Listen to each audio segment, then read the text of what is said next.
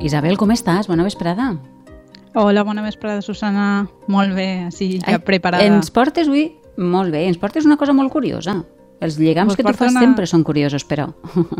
Sí, avui especialment curiosa perquè avui és el Dia Mundial de l'Estadística, que mm. se celebra cada 5 anys. I clar, no, no podíem deixar passar l'oportunitat perquè si no, d'ací 5 anys no torna no sabem a ser on estarem.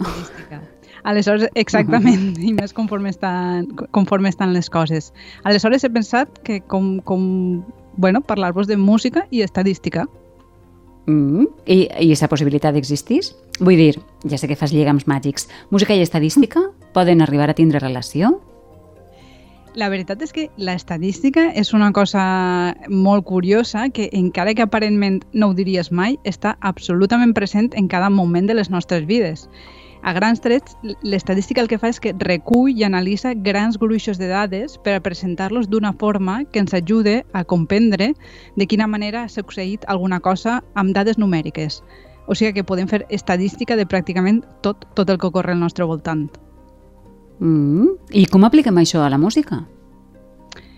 tampoc m'ho pensava, però m'he sorprès moltíssim de la quantitat de coses que, que podem trobar, així que haurem de resumir i parlarem només d'alguns exemples.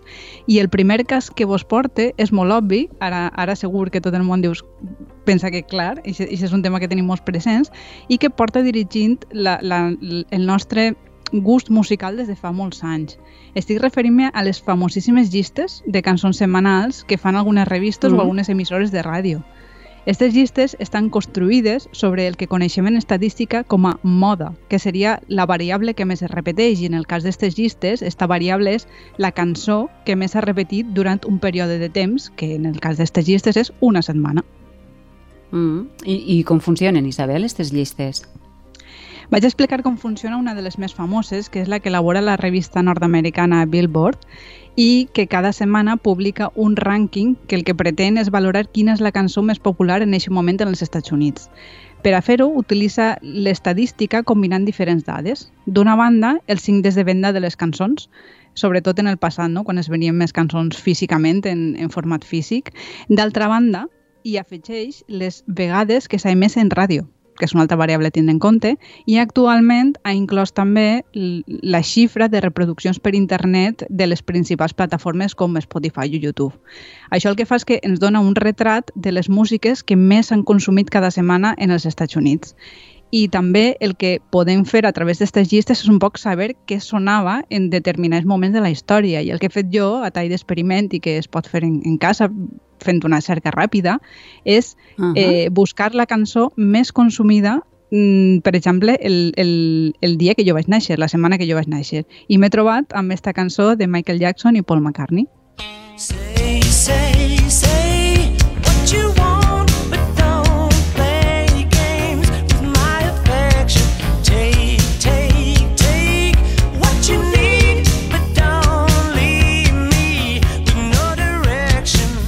que curiós. Eh, sí. Sona molt vuitentera, esta cançó, no?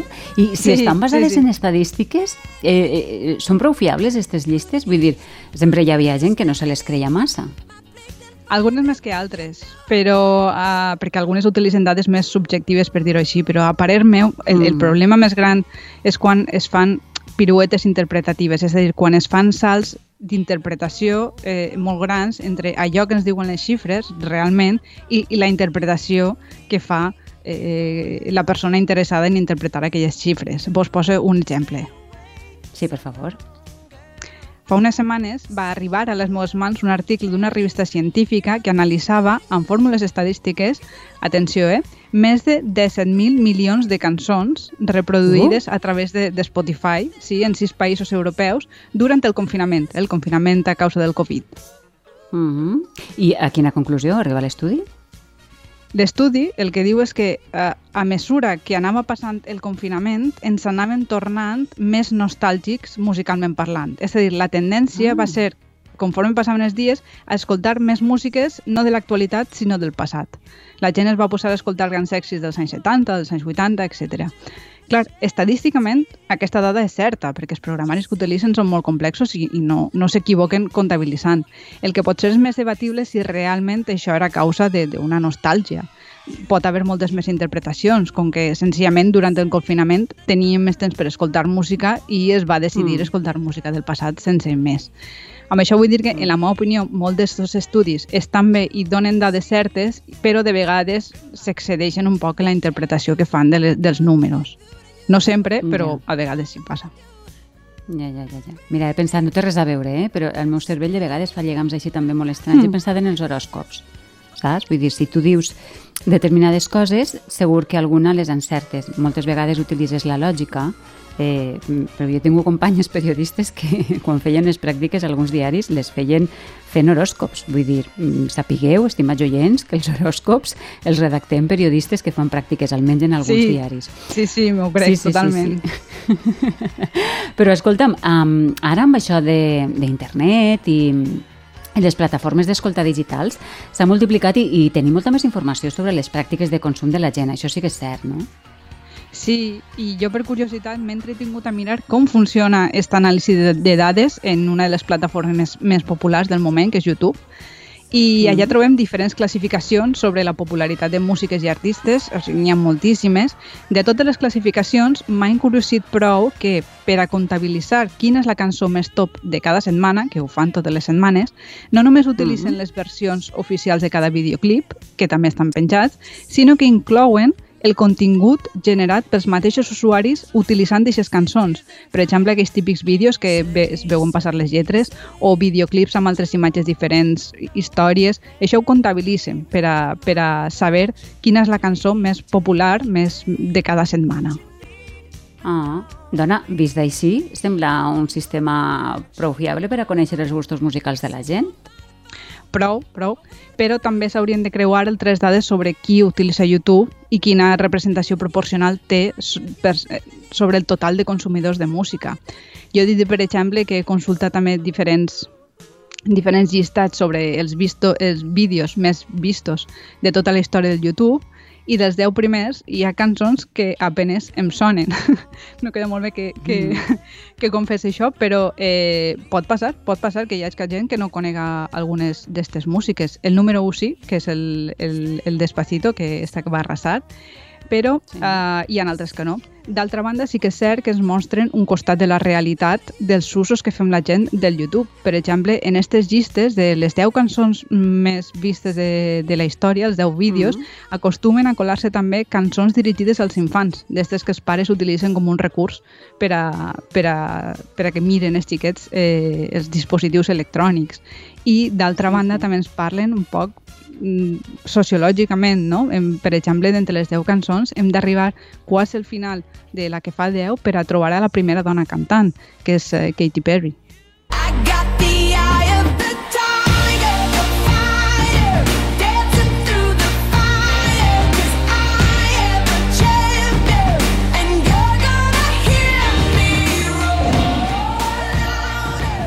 Ràbia, eh? Parlem de música, parlem de literatura, parlem del de que parlem i sempre estan les dones eh, en un lloc que no pertoca.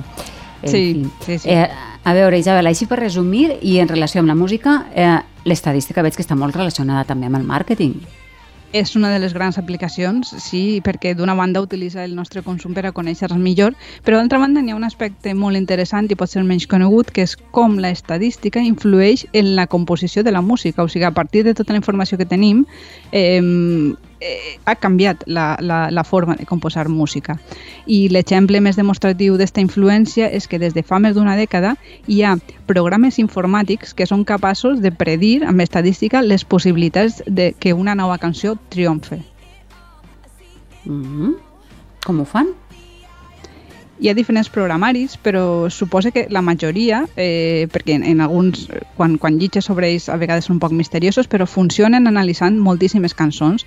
Aleshores es creen una grandíssima base de dades que on ells han classificat diferents variables com la velocitat de la música, els acords, la, la instrumentació, el ritme, i amb tota aquesta base és amb la que treballen i comença l'anàlisi estadística. Aleshores creen com una, com una mena de núvols, núvols de puntets, mm. on les cançons més exitoses es van acostant, no? van creant com núvols més densos de puntets quan més coincideixen allí. Per a saber quines han triomfat i quines no, utilitzen eh, cada empresa té els seus propis criteris. Jo, la que he consultat, utilitza la base de dades d'aquelles cançons i artistes que han guanyat els, els Premis Grammy. Aleshores, eh, un estadista, Juan, Juan Manuel Melchor, ens conta que artistes com Anastasia o Maroon 5 han utilitzat este programari per a saber eh, quines cançons seues podien treure com a singles, o sigui, quines anaven a triomfar més. Ah. I en el cas de, de Maroon 5, si fora veritat això, no els deu haver anat tan malament perquè justament és dels que tenen una cançó dins de les 10 primeres més vistes de la història en YouTube, que és la següent. veritat.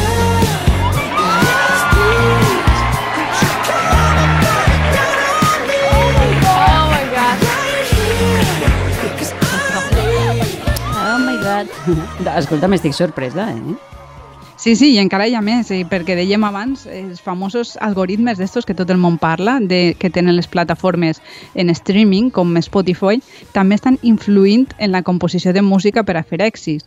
Fa pocs dies, en un article del diari El Periódico, apareixia una notícia on l'experta en tecnologies Marta Peirano feia la següent anàlisi. Sabem que Spotify només paga als artistes quan arribes a reproduir més de 30 segons la seva cançó. O sigui, abans no els paga, no ah. compta com una reproducció. Aleshores, ja, ja. la reacció a aquesta política de Spotify per part dels grups musicals i, i, dels, i de les compositores ha sigut eliminar una part de la cançó que era la introducció per, pensant que ens, vol, la gent vol escoltar Clar. ràpidament eh, eh, la tornada. Aleshores, uh -huh. segons este, este canvi compositiu que s'ha donat en els últims temps, per exemple, esta cançó que ara sentirem la seva introducció, avui en dia no hauria funcionat tan bé o i fins i tot no s'hauria escrit així. Escoltem-la.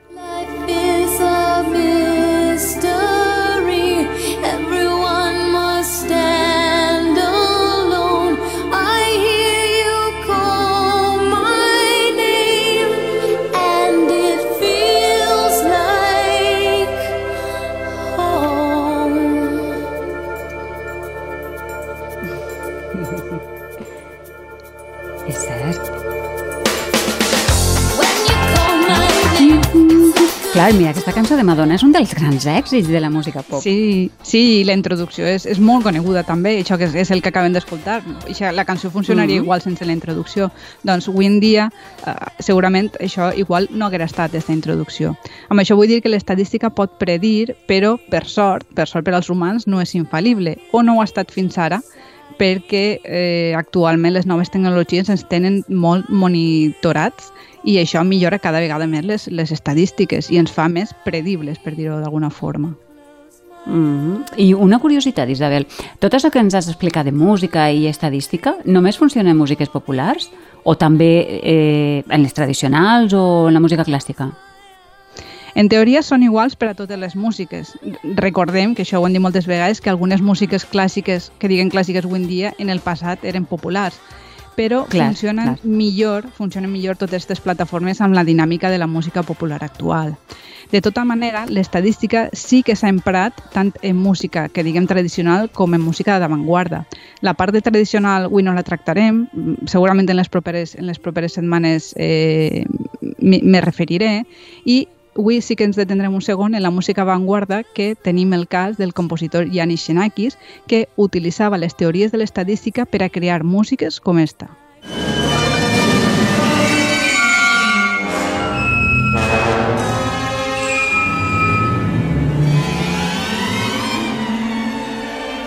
Mm. Això, Isabel, esta música crec que ens l'hauràs d'explicar un poc. Sí, un poc té, té per explicar una estona, però per així, per resumir, esta peça s'anomena Metàstasi, és del 1954 i forma part uh -huh. del que s'ha anomenat música estocàstica. El que fa Xenakis, el compositor, que era arquitecte, és que crea, mitjançant la tecnologia, amb ordinadors, com núvols de sons, sí. una espècie de blocs sonors aparentment aleatoris, però que, utilitzant la estadística, els fa caminar cap a llocs que realment són previsibles perquè estan basats en teories estadístiques, com per exemple la teoria uh. dels jocs, que és una teoria que diu que quan més vegades realitzes un moviment, com tirar, per exemple, una moneda a l'aire, més possibilitats tens que es confirme el resultat que tu vols. I això, sonorament, pot ser no és el que estem acostumbrats a aquesta música, però crea unes textures i unes sensacions que jo vos recomano molt, que les, que les busqueu per internet i també que, que gaudiu de la grafia de les partitures, que en alguns casos és molt, molt curiosa. Mm, jo et faré cas perquè me'n refie molt de tu. Ara, et diré que així d'entrada a mi no em sedueix, eh, este tipus de música. No és molt dic. seductora des d'un principi, No. però prova a combinar-ho amb, amb la part visual i, i és sorprenent com a mínim, això segur. Sí, d'això sí que eh, ho comprovaré perquè ja et dic que, que m'enfia i serà molt curiós de veure. Doncs molt interessant també, la música i l'estadística. Caram, caram. Era el tema d'avui, sí. Sí, sí, sí, sí, sí. Eh, res, que, és que parlàvem abans de Hildegarda de Bingen, eh, del, Sí. 1900, eh, del 1098 i 1179. Eh, parlàvem en la Sí. tertúlia de dones, fixa't, que mm, també eh, la seva activitat musical amb 78 composicions que estan agrupades en Sinfonia, Harmoni, Celestium, Reveletium, Sí, Revelationum, no? Molt bé. Uh, tot això per què t'ho dic? Uh, doncs res, perquè he lligat una cosa, de, perquè tu d'això en saps. I, I he lligat abans que parlàvem d'Idelgarda, Idelgarda, Hildegarda, caram, Hildegarda. amb sí, la conclusió música- quasi del programa. Sí, La digues, música digues. és igual de, de, de sorprenent, però als moments sona molt diferent de la resta de, de, de, de gent de música que ens ha arribat del seu moment i realment és, Sí. és una persona molt capdavantera i totalment eh, és extraordinària de la qual Sí, sí, sabem sí. moltes coses perquè va deixar una obra llarguíssima eh, i també és un personatge que cada vegada sabem més coses però és un personatge per descobrir I tant. Doncs mira, et llença el guant. Què diuen? Porta-la algun Ah, dia. Ah, em sona molt. Perfecte. perquè és interessant, l'hem descobert avui, també és una de les dones que ha estat invisibilitzada i nosaltres eh, les visibilitzem a totes, com més millor. Isabel, gràcies. Fins la setmana Gràcies a que ve. vosaltres. Sí, la setmana vinent. Adeu.